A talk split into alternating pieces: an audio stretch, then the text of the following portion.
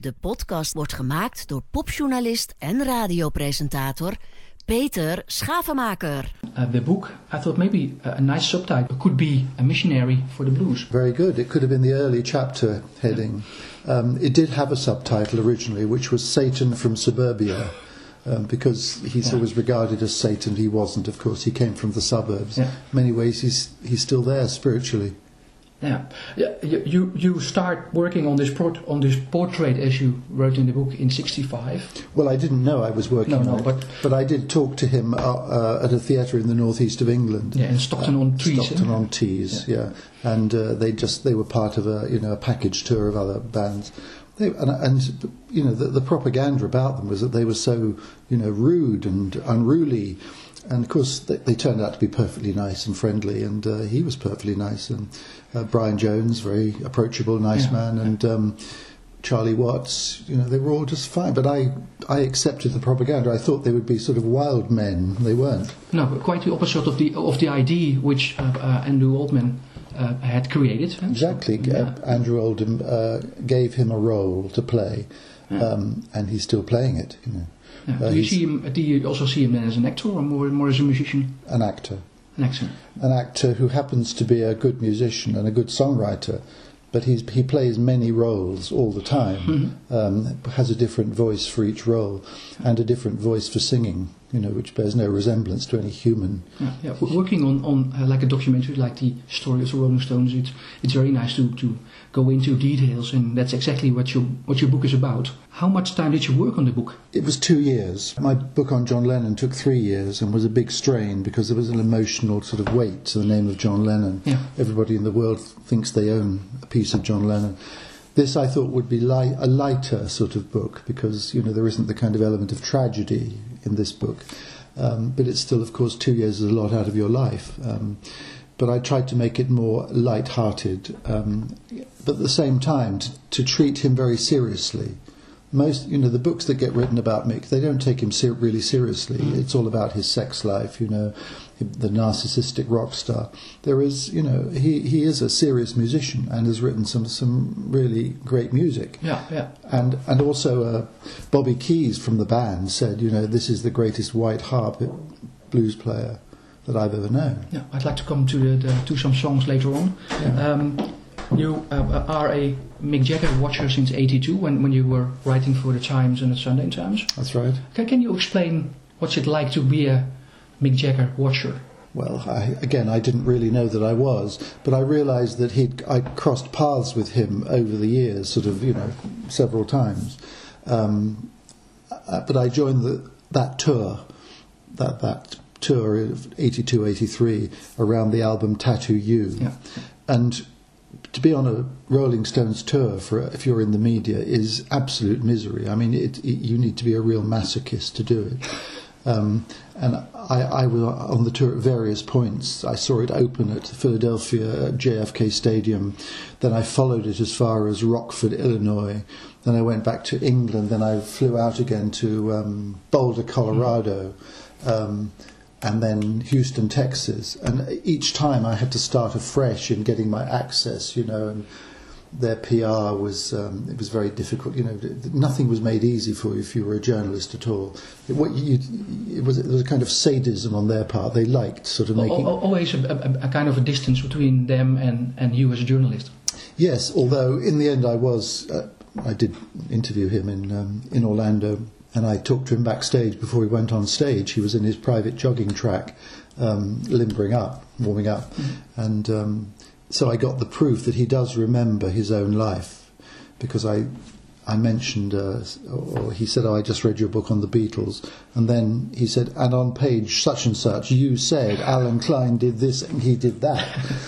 you know, so he he does remember it all, especially the figures. Uh, did, did there ever was a uh, maybe the friendship is not a good word, but a, a, a nice way of talking to each other, or was there always a, a, a cold difference between like a like a No, he like he, he seemed very very sort of uh, open and accessible, um, and he was talking to me because in a way that he would talk to somebody from the Sunday Times. He talked to someone from a tabloid in a different way. You know, he he fits a voice to every occasion. Yeah. But you don't become friends with these people. I mean, I I have one real or two maybe two real friends who were pop stars. One of them is Neil Sedaka. Um, but you, in general, you, you, get on a reasonable d- degree of intimacy with them. But then when the door shuts, that's it. You don't walk back through the, that door, you know, again. Um, James Brown, I got to know quite well. Um, but, but usually it's a professional, it's a trade-off. You know, each of you has something the other one wants. Yeah, James Brown is also in your in, in your book. Uh, uh, Jagger uh, is front of the mirror and tries to do every step uh, uh, um, Jagger uh, James Brown, and. Tina Turner gave him his. You know, he has taken from everybody. Well, that's an intelligent thing to do, of course, to steal with your eyes. Is it for you interesting now? He is he is into producing a film about James Brown. Did you about heard about that news? The last one was supposed to be about Rupert Murdoch. He was going to play Rupert Murdoch. Yeah, but he's now uh, um, um, uh, putting money in a film about James Brown. Or it's, uh, Well, I didn't read that, um, and he certainly should, you know, because James. that's no surprise for you. No, I mean, and uh, James Brown, the way James Brown was on stage, he was the first person to make sort of a spectacular gymnastic display of a rock performance, and then Tina Turner. And Mick just picked picked up from both of them, of course, yeah. Yeah, yeah. Let, let's talk about some uh, some songs. Because in, in, in the book, you, you write Satisfaction is a milestone in a tradition of a heartbreaker tale. And um, about Satisfaction, you also said it's an alternate a national anthem. Um, the, the songs are will be there for maybe a more 100, 200 years. Or well, what, what's the, the impact of those songs, for, for, for example, Satisfaction in, in your point of view? Well, I can remember what a huge controversy it caused by the title. It was it was the title. Satisfaction meant sexual satisfaction. Um, young men who fought duels in the 19th century with each other demanded satisfaction if their honour had been impugned. But no, satisfaction by 1966 meant 55, 66 meant sexual satisfaction. Um, but it wasn't about sex at all. It was about it was a kind of it was a, a, a, blues song, a hedonistic blues song. It was about the, the awful boringness of having too much instead of too little. Um, but I remember again the controversy, and then uh, the Queen's Golden Jubilee. Um, they weren't in the show, but there was a Son et Lumière of Buckingham Palace, and this and Satisfaction was playing over Buckingham Palace, and just this is so extraordinary. Fifty, you know, forty years ago, this was the most notorious song on earth. What, what do, can, can you remember? You heard the song for the first time? Yeah, and was, I was working in the north of England, and Yeah. there was endless debate, you know, about how can how can you dare to call a song "Satisfaction," um, and it was a song just made for those big lips to enunciate in that elaborate way, you know, and dwell on, like almost like a phonetical pronunciation of the of the word. Um, but of course, you know, pop songs today are far more pornographic, obscene. You know, Yeah. it was very innocent. Yeah, well, what, what songs uh, do, do you like about the Stones? Because you also mentioned Sympathy for the Devil, eh, which is a fascinating uh, look behind the scenes. You write in page 311. Well, that song is unusual because there are not many epic pop songs. Pop songs are disposable and small, um, but there are some epic pop songs. A Day in the Life, John Lennon, Good Vibrations. They have a grandeur, you know, a scope. Sympathy for the Devil is one of those songs, and it, it's a really brilliantly written lyric. I mean, it's a lit- literary. It's nothing to do with calling up the devil, you know. Um, it was always sort of said to have bad effects and to sort of dark forces were summoned. No, it was it's a literary conceit, but brilliantly written, a sort of a history of the devil's interference in mankind's affairs. Brilliant. Yeah, you, you also write the, the, the Jagger songs are his only way to express what he thinks. Because outside songs, he, he doesn't express what he thinks. And he doesn't express inside the songs either. He always reaches for that vocabulary of New Orleans, uh, you know, um, uh, Mason Dixon, you know, that blues vocabulary. Yeah. Yeah, uh, which now has become a Planet Jagger, really. Uh, no, he's never ever expressed any real emotion in a song. Um, that fool to cry, you think he might be about to do it, and then it becomes, "Oh God, you know, I got a baby on the wrong side of, t-, you know, all that that ridiculous voice, you know, that sort of blue, blues parody of a voice." Yeah, is that still for you a mystery why he doesn't like to express himself? Neither in songs or in, in, in the public. He, he- he's, he's kind of got a lot of a cocoon around him. Exactly, yes. Or like, he's like a Dalek, you Yeah. know, Doctor Who's Daleks, you know, who are these sort of shiny metal things. Hmm. Inside there somewhere is the real creature, you know. But this metallic voice is always exterminate, exterminate, and that's another way of saying I can't get no satisfaction. In, in which way did you did you solve this mystery in your book? Well, I can't solve it because only he knows how he feels or what you know. But you, you, you did so many re- research, so you must have found a point somewhere. yes, because he he's he always wants to be cool. Yeah. And people who want to be cool, uh, there's some kind of inadequacy there. They're hiding something. They, they're afraid to commit themselves in their emotions or in what, what they really feel. So this desire to be cool is a sign of some kind of insecurity. And there's no reason for him to be insecure because not only has he been, he been flattered monstrously for 50 years, but even his upbringing, he had a nice uh, family life. Uh, he wasn't didn't he didn't have trauma like Nothing John. was wrong in his, in his youth. No, no, but still, you know, how you are, what your genes are like, has nothing to do with your circumstances.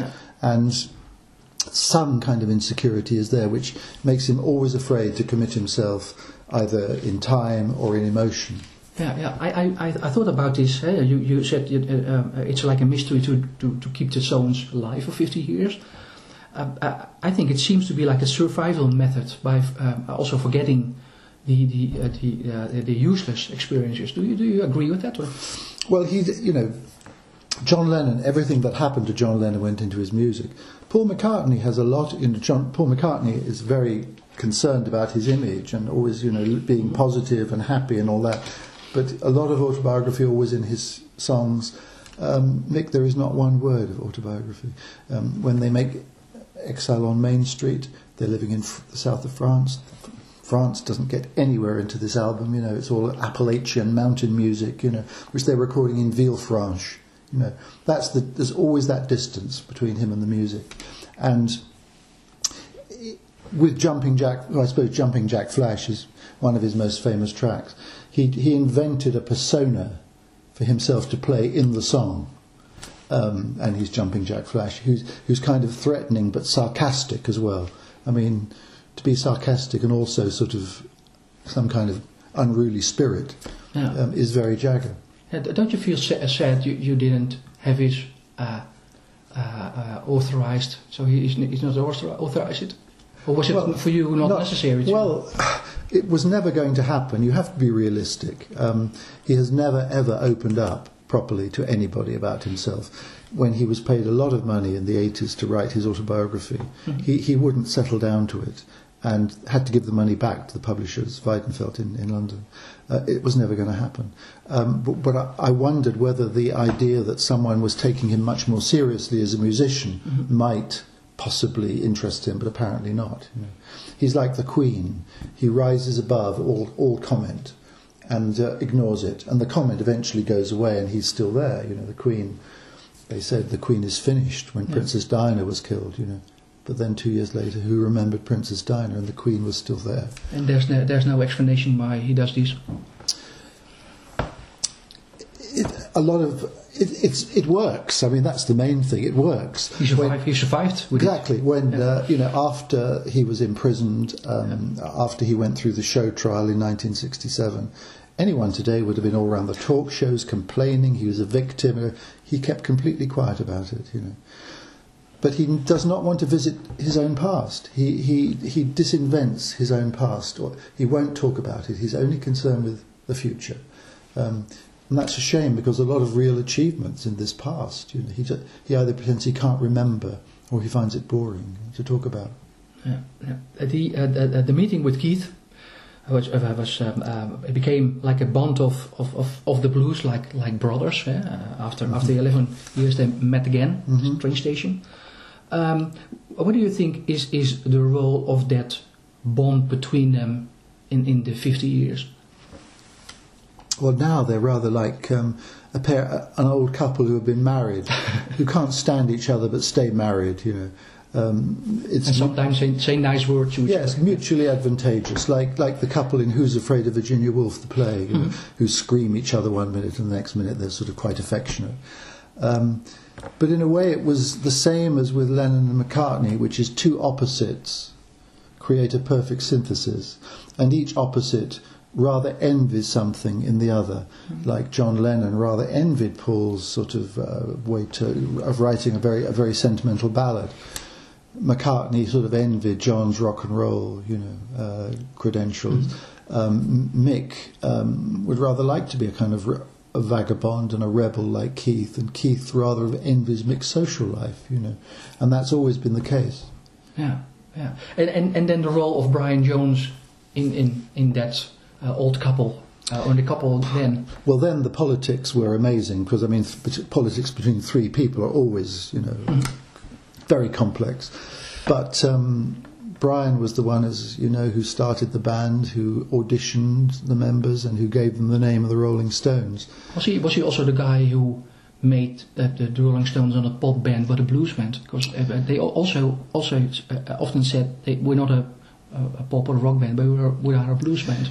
No, they they were very serious about the blues uh, before that, but Brian, you know, was was going to make them a commercial blues band, a blues band that would earn money. Mick's band, blues band with Keith, called Little Boy Blue, I mean, they never had a gig, you know. Um, but Brian was putting them on a more professional basis. Uh, but they still had the uh, the basic sort of motive was to bring the blues to a wider audience. It was a missionary sort of spirit that they had. But then when Andrew Oldham came along and showed them there was money, most of the money went to Andrew Oldham initially. um, but still, that was when the change came and they, they realised they had to put, you know, they, you know, they did the Little Red Rooster, you know, what m- more pure blues number could you do than that? Which they were doing the, when they were com- competing with the Beatles in the pop charts. Do you think they're, they're still a blues band? But, but No, like, if, if you listen to, like, uh, let's say, the la- latest single, Doom and Gloom, it's No, really no, they're the Stones. I mean, the Stones, like you know, they're just the Stones. Um, but I think there's still great love of the blues, and I think it's the only thing that Mick really did ever love, sort of with his heart and soul, was the blues. Yeah, but that was because it was cool. You know, most kids at that time were listening to pop or to traditional jazz. The blues was esoteric; it was hard to find it. You know, Mm-hmm. and so he he liked something that was more exclusive. Uh, he, he, I think he enjoyed also walking with uh, blues With records. records, yeah. Uh, Because, well, albums used to be fashion objects anyway, you know. And yes, to have a few blues albums from the Chess Record Company straight, you know, sent mail order was prestige. Was more, more or less showing off to other people. Okay, I have got blues records. Yeah, yeah. yeah. Um, like when he played basketball, his his dad was a, a proponent of the game of basketball in Britain, but it, it had a coolness because they wore these cool two tone boots, you know, and they were some that they were black, they were the Harlem Globetrotters. Yeah. Um, it, it's always been the sort of what's cool and what's you know current and trendy. Yeah. Uh, what, I found interesting is the, the, the role of uh, um, uh, uh, Oldham and of course uh, Epstein, which, which could, could have been the manager of both groups. Huh? He could indeed, and Oldham was a genius at the age of 19 in seeing that the Beatles were getting a bit too safe for the real pop fans. You, you're right about Oldham. It's, it was like a, uh, an, an older brother, a big brother to them. He was the first manager who was like, yes, on their level. Managers up to that point had been much older men, uh, usually gay men, Mm. um, who just sort of moulded these young men into sort of fantasy sex objects for the, for the, from their point of view. Um, Oldham was like, we are one of the band, um, but at the same time was able to pull off these amazing coups, these managerial coups, you know, by sheer nerve, chutzpah, you know. Um, but also in realizing that he, he could invent the anti-Beatles and the kids would love them because they didn't smile and they weren't charming. The Beatles had been very sleazy in their early career. The Stones had never done anything wrong. They were just nice lads, you know. But they became the wicked ones. Yeah, the, the, the, uh, the anti-Beatles. Can you say the Rolling Stones are the anti-Beatles then, back then? Yes, because um, you know the, the the pop fans wanted anti-heroes. They had never had anti-heroes. They, Elvis was an anti-hero originally, um, and they weren't doing anything very serious. They were like going to the Savoy Hotel without a tie, that sort of thing. You know, Mm. that caused horror and consternation. Uh, do, do you agree at some point the anti-Beatles uh, uh, stigma on them were working against them because the FBI and the MI5 uh, had an investigation. Uh, did they did that work against them at the point? Yes, oh, of course. It, it went far beyond Andrew Oldham's expectations because they were said to be stirring, you know, subversives in America in particular. Mm. Um, in fact, they never said anything controversial politically, like Bob Dylan or even Peter, Paul, and Mary, or you know, Buffalo Springfield were more controversial than they were. Um, they were just they just stood for hedonism and having a great time and get you know um, playing the playing playing the music, but. J. Edgar Hoover had a personal sort of vendetta he felt against Jagger, and so that was set up. But actually, if, if it had worked with the Stones, the Beatles were next on the list. The Beatles, by that point, they were, you know, they were associated with drugs and uh, they were also going to be set up in some way. Well, was it kind of a mistake from Oldham then to, to, to make them a kind of anti-Beatles? No, because that was what gave them enormous fame. It just worked. It worked like a dream. It wasn't immediate. They were originally, they looked a fairly conventional pop group, but with very long hair. I mean, long hair that came down yeah. their shoulders, you know, rather the Beatles had fringes but short back and side. It was the hair uh, initially and the idea that they were dirty. I mean, they were never dirty, they were squeaky clean. You know, uh, someone who went out with Charlie Watts told me that his underwear was cleaner than hers. Brian Jones used to shampoo his hair twice a day. They were very clean, but no, they were dirty and ugly. Yeah. That was the propaganda. The national scandal in the Absolutely. UK. Uh, yes, yeah. Ah, you're right. Yeah. Yes, and the Beatles were a national treasure. Yes, although the Beatles had been controversial. In the beginning. Yeah. The beginning, yes. Uh, the, the relation between the Rolling Stones and the Beatles, eh, which, which is uh, an everlasting battle um, uh, among fans and also in the in the uh, in, in, the media, and, and, then and maybe nowadays still. But there was more more like a cooperation. They were big Absolutely. friends, and they yes. could have uh, worked uh, together on a record label even. So. Absolutely, they almost sort of amalgamated their front office. Um, as you said, Brian Epstein could have managed the Stones and the Beatles.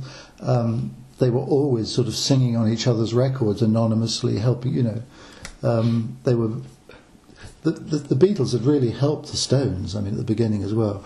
And later on, then the Stones, and the one, sort of one of the really bad wrong turnings they took was to try to be like the, you know, to do a Sergeant Pepper sort of album. Um, they learned their lesson, but it was a terrible mistake. Yeah, yeah. Can you say that's maybe the biggest misunderstanding in pop music?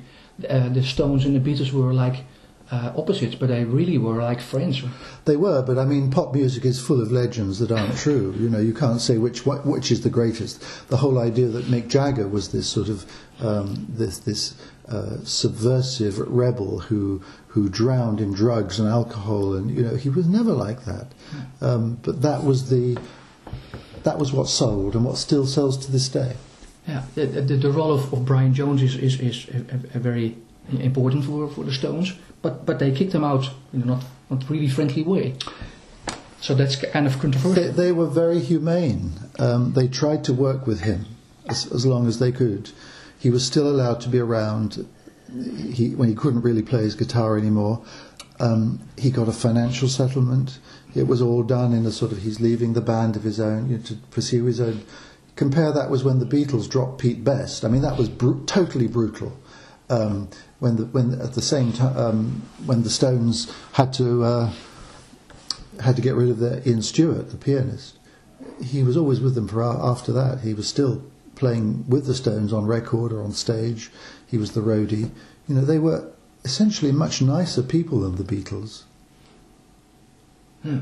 We, we just talked about the uh, the heritage of the Rolling Stones and Mick Jagger. You, you mentioned that on page 6 on 33. Uh, uh, you mentioned also they are equal to Shakespeare. Um, is, is that the legacy of the Rolling Stones? No, I wouldn't say they're equal to Shakespeare, um, but uh, someone like Paul McCartney has written the equivalent, pop equivalent of the works of Shakespeare. Mm-hmm. you know, um, so many wonderful songs written as a very young man. Um, but this music, which was always said to be going to be over in six months, has turned out to be one of the more eh, you know durable things in life. And it, whereas once it used to polarize the generations, it now unites the generations. You know, um, pop fans and their parents and their grandparents can all like the same music, um, which was extraordinary. You think of what it was like in the late 50s and early 60s and how disapproving parents were and even you know it wasn't for anybody under 25 over 25 originally. They used to say to Mick, "Will you be still singing these songs when you're 30?" He did. He wanted to quit in, when he was 30. I read. he, he was saying, "Yes, we we- well, we still won't be doing it." You know, nobody imagined it could be it could last for the length it did. What do you think of them now? When you when you see them uh, like uh, on stage and preparing for a few uh, four concerts in, in New York and London? Well, of course, I mean the the idea is grotesque that men in around the age of 70, you know, are still playing this music. When they play it, it sounds pretty good. Actually, the new single, it sounds like a Rolling Stones, a rather better Rolling Stones track. Um, they still, they can still give a, really good blues performance. I, I, took, I went with uh, to Wembley in 1998 with my small daughter, and they had the little second stage out in the out in the crowd, and they did a blues set. It was really good. But this music is not, you know, this is not Beethoven's Fifth. You know, once you can play it, you can play it. Were, were you more into the blues songs in, in the in the early days of the Stones, or or, or in the 80s, which were uh, more or less no blues songs? You didn't really know about the blues in Britain, you see. Uh, in America, it was part of the heritage, but no one knew where this music came from. Um, and they, the first you heard of them was "Come On," which was a Chuck Berry cover song. But then it was "I Want to Be Your Man," which was a Beatles song. Yeah, yeah. Um, but and, and the blues had a big era in Britain as well. There were lots of other bands playing the blues, quite famous Yardbirds, people like that. Um, and it was a great period, um, but it, it moved on.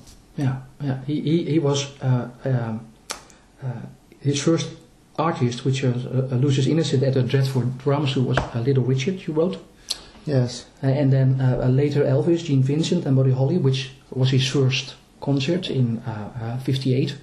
Is that the, uh, the the start of his musical interest? Because that that's that's the, maybe the only thing is, which is clear about him is is musical interest. when it starts, yes, Yeah. and, the, and the thing that he sort of shows passion Yeah. about as well. Yeah, it's the only thing is what's clear about him. Yeah. Although, funnily enough, N- Neil Sedaka, who I had dinner with last week, uh, told me that um, he once met Mick in a Tommy Nutter's um, clothing store in, near the Beatles' house um, in Savile Row. And Mick said the first record he ever bought was Stupid Cupid, which was written by Neil Sedaka, recorded by Connie Francis. I think it was the idea that you could be this amazing extrovert, you know, like Little Richard was. Um, you could, that this was, you could play this extraordinary theatrical role Mhm. and also play the music. Yeah, we, we talked a little bit about France eh, and uh, when they were in exile in uh, Nellcôte. What did that? What uh, at the end did that meant that for the band they were in exile in France? It didn't seem to mean anything to them at all. Uh, Bill Wyman took to it and lived uh, next door to Marc Chagall um, in Vence. Uh, but no, Mick, it was just another place to be, you know, tax a, a- a tax-friendly area. Um, So it, it, it, you said it, it was only a financial reason. So it was never nothing to do with music or, or spe- something special. It, it was just a place they, they were staying. Well, if you, listen, if you listen to that album, there is not a there is not one syllable of Frenchness on it. Um, you know, if John Lennon and Paul McCartney had been there would all the you know the observational songs about you know Nice or the Var Mount or anything, you know, but not with them. It was all about it was the, the, the sound of the record was Appalachian mountain music, and they were in France. So it didn't mean anything to their career. I, I think uh, I'm a, no, not really. No, they just sort of moved on. It was like another dressing room, really. Is, is there a place that they, they were that, that really meant for their career, that changed their career? Or I think the yes, the one place that really changed was significant was recording in Chicago and The Chess Studios, Chess yeah. Studios. Yeah. Um, although again, Mick says he can't remember that. Of course, he can remember. No. All you care about is the blues. You go to you, you meet Chuck Berry and and you meet uh, Muddy Waters and you record at Chess and you can't remember it. You know, God. that they were meeting their big heroes, Exactly. go- their gods maybe. Exactly. And the funny thing is now that um, those bluesmen, when they when the Stones were following them as young men, were, were quite old men. You know, Muddy Waters and Willie Dixon. And now the Stones are sort of the same. They're old men who are still very cool, just like their blues heroes. Do, do you think still he- he's, he's still cool? Because he pre- pretended to be cool, like a, a young boy. He, he refused to play guitar. So, uh, is he still a cool guy for you? Oh, it's a very hard question to answer. I mean, I think he's in many ways very admirable, in some ways very ludicrous, um, and people think he's cool. I don't think. He, I mean, I don't believe in the notion of coolness. People who want to be cool, to me, are deficient in some way. They're lacking something, you know. Um, but many, many millions of people think he's incredibly cool. Yeah. Yeah, yeah. Moves like Jagger. I mean, a pop song that in this era, all about moves made by Jagger. Amazing. Yeah, yeah. You, you, the, the book is also you also have some criticism on on the Rolling Stones and on Jagger. You write the Jagger Mask and Planet Jagger and the the biggest pop goddess in the world. Is that really a, a, a criticism on them on, on him? Well, nobody wants to read a hagiography. This is supposed to be an objective biography, and um, I certainly give him uh, praise that I don't think any other writer has. Um, that he's behaved at certain moments in his career extremely impressively. That he is not this sort of one-dimensional sort of prancing fop that people think he is. But there are some things that I find ludicrous about him. Yes. Does he have have a self mockery or? Uh, seem, seemingly so, but I mean, it's never really tested very seriously, I don't think. um, I don't think he really laughs at himself, uh, or he would like to be laughed at. Like um, David Bailey said when Jagger was a little boy, his mother took him shopping. When she went into the shop, she'd clamp him to the shop window by his lips while she was in the shop. Um, but he's, you know, he's he's a humorous person, and he's a very good mimic as well. Of course, he's been mimicking people all his life, but he can, you know, do impersonations of all sorts of characters. Yeah, yeah, yeah. Coming back to the relationship with Keith Richard, you said like it's like an old couple. Uh, was there also a kind of a, um, a love between them? Yes, uh, certainly at certain moments. I mean, Mick has shown incredible uh, uh, tenderness and love to Keith. Keith was very um, shy. No one heard his voice, speaking voice, for years. he was very shy and self-effacing, and Mick used to rather sort of protect him. Later on, um, when Keith was undergoing the worst sort of withdrawal symptoms, uh, Mick and Jerry Hall looked after him. I mean, like parents looking after a sick child. Um, Mick stood by him in that moment in, in Canada, you know, when he was prosecuted for drug trafficking. You know, Mick has behaved very well where Keith is concerned. And so I don't know really why Keith felt he had to say these ridiculous, catty things about Mick in that, in that, in that book of his. Do, do you think the, the, the, the bond between uh, Jagger and, and, and Joe Richard is, is for you more interesting for, from a pop music point of view than Lennon and McCartney? Because No, I well, I don't. Well, Lennon and McCartney um, was slightly different because they were professionals. It was a, more of a professional relationship, and they never really had a row. Lennon and McCartney, they they took to sort of sniping at each other on their albums later on, but actually, while the Apple House was going, there was never a moment when they ever scr- screamed at each other or tried to hit each other. Um, John hit George, but that was different. um, and uh, that was interesting because they were they were like a symbiosis. Each one of them could portray the other. John could write a ballad like Paul, and Paul could do rock and roll as well as John. They could slip into each other's characters. Um, that that's not Mick and Keith. You know, with Mick and Keith, it's opposites. Each one rather ed- envies the other for something. Like Mick would like to be a real rocker, you know, and Keith would like to have mixed social connections. Um, but it's been much more a matter of pragmatism. That even if they feel like splitting up, they know they sh- they've got to stay together for the for the product. yeah, the, the relationships between the the other uh, uh, guys in the band like Charlie and Bill, yeah, they're, they're like second second class people. Like um, the off in like the army, the officers and the and the soldiers. Yeah, it was the rhythm section were working class. Do you think it because uh, that's interesting because they they stayed uh, uh, that long together? Uh, how, how did that did that work? Because um, it's like an army. Uh, how, how could they ever uh, uh, find that okay?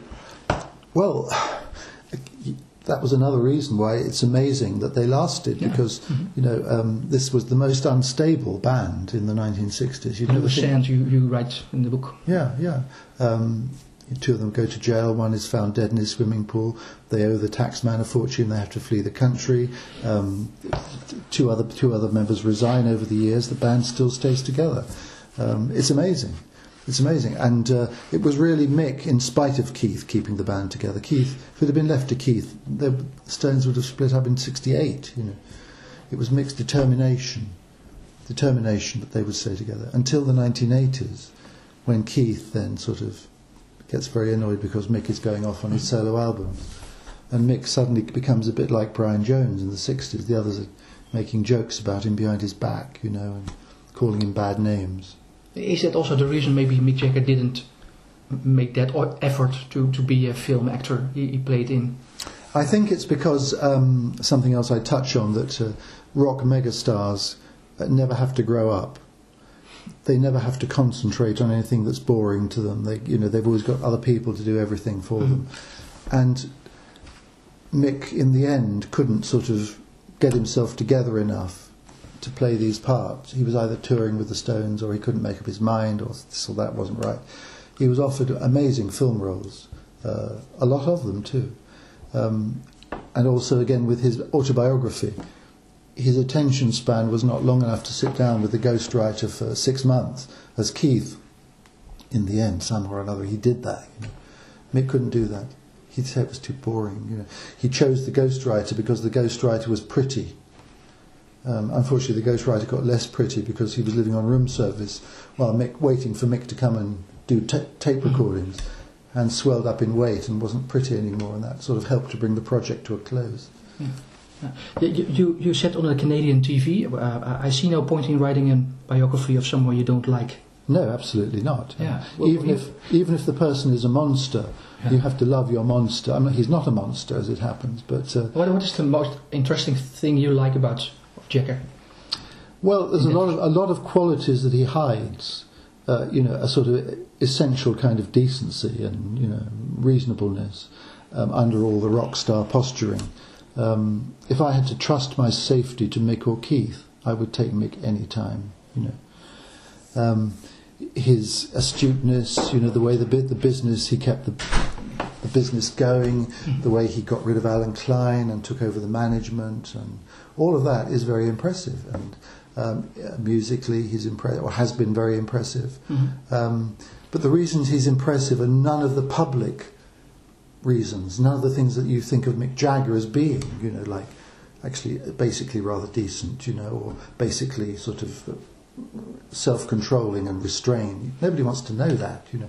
He doesn't want it to be thought because there's much more money to be made out of the image of being a rebel. Yeah. The, the relationships between the Rolling Stones and the Netherlands was always there. Uh, they had the famous concert in the Kurhaus in Scheveningen in '64. Exactly, yes, which Yeah. What, what, what, what, in your opinion, is the relationship between the Stones and in Holland? Well, apparently it's been a very intimate relation on a financial level for quite a long time. Um, It still is. It still is. Um, which is why I don't think Mick would be knighted today. Um, you know, tax avoidance uh, in Britain, though it's legal, is now viewed, viewed um, with a lot of disfavour. I don't think you get knighted for being a tax exile for 40 years anymore. Um, and of course, Amsterdam is the famous is the venue for when Mick got punched by Charlie Watts um, twice, actually. Um, it, Keith, in his book, said it was once, but it was twice. So maybe in, in, in, in the long end, the Rolling Stones are all kind of a Dutch band because they have their rebel and the, and the, the Dutch rebel and the Amsterdam rebel. Yes, and it's funny that um, when they hated Dixieland jazz in Britain, one of the big acts was the Dutch college swing band. Mhm. I don't think they were Dutch actually, but they had They, the they name. were they Dutch. were Dutch, yeah, were yeah, they? yeah, they were Dutch. Oh, they were. Oh well, they, they were sort of their bête noire, you know, because they played traditional jazz. Yeah. Yeah, yeah. You, you said at the end, uh, my view on Mick Jagger has, has been adjusted. Uh, can you explain that a little bit more? Yes, because I now find much more to admire and like about him. Um, because of doing this portrait that is just of Mick, it's not the portrait of the Stones. Um, and I did go much deeper into specific issues like the Altamont Festival Mm-hmm. Mick has always kind of been blamed, really, for the fact that a spectator was knifed to death at the Altamont Festival. And Sam Cutler, the MC, and other people said that actually mm. Mick behaved very bravely that day. He was in danger from the Hells Angels. If you look at the film, the footage, they're all over the stage, the Hells Angels, and you can see them looking at him as if they want to murder him. Yeah, what's what's the reason they didn't perform on Woodstock? Because maybe that could have been uh, the, the, the, one of the biggest things they, they have ever could done. It could, uh, and I suppose they should have. Yeah. Um, and this was in a way um, to try and this the festival at that was at the Altamont Raceway was going to be subtitled the Woodstock of the West. It was the the West Coast Woodstock, and to sort of establish they did have these hippie credentials and they weren't just interested in money and ticket prices. They, you know, it was going to be free and they were going to give themselves, really give themselves to the audience. And of course, it went terribly wrong. Yeah. Um, are you working on a new project? Not another biography at the moment, no. I've written a novel in the last 11 months, which is, I wrote novels originally as well, mm. and uh, um, it's partly set in the music business, but in the 80s. Yeah. Who's on your list still? McCartney or? There's very few on this final, in this topmost echelon, whose names mean something to everyone in the world. And um, it's Lennon, it's McCartney, it's the Beatles, it's the Stones, it's Bob Dylan, uh, Elvis. Um, I can't see Bob Dylan uh, sitting down with me and telling me everything. He's never told anyone else everything. He covers his tracks even more carefully than Mick does. And, um, and McCartney? McCartney. Hey, maybe he's an open book. He likes to talk about his music and. He does, he does. Although he always comes up with a new. I, I heard him tell a new story about John just last week that was very, very funny. I'd never heard it before. But he's not very good on dates and remembering specific dates and places. But there again, he's a brilliant songwriter, but he's a songwriter. Lennon was all these other things as well a poet and an artist and an intellectual, and McCartney is a brilliant songwriter. I won't, and now they're saying his voice is, you know, that's it with his voice, and um, I don't know, because he, he just had to keep performing, whereas John didn't want to keep performing. So once he stops performing, I wonder what he will do. Thank you very much. My pleasure. De podcast wordt gemaakt door popjournalist en radiopresentator Peter Schavemaker.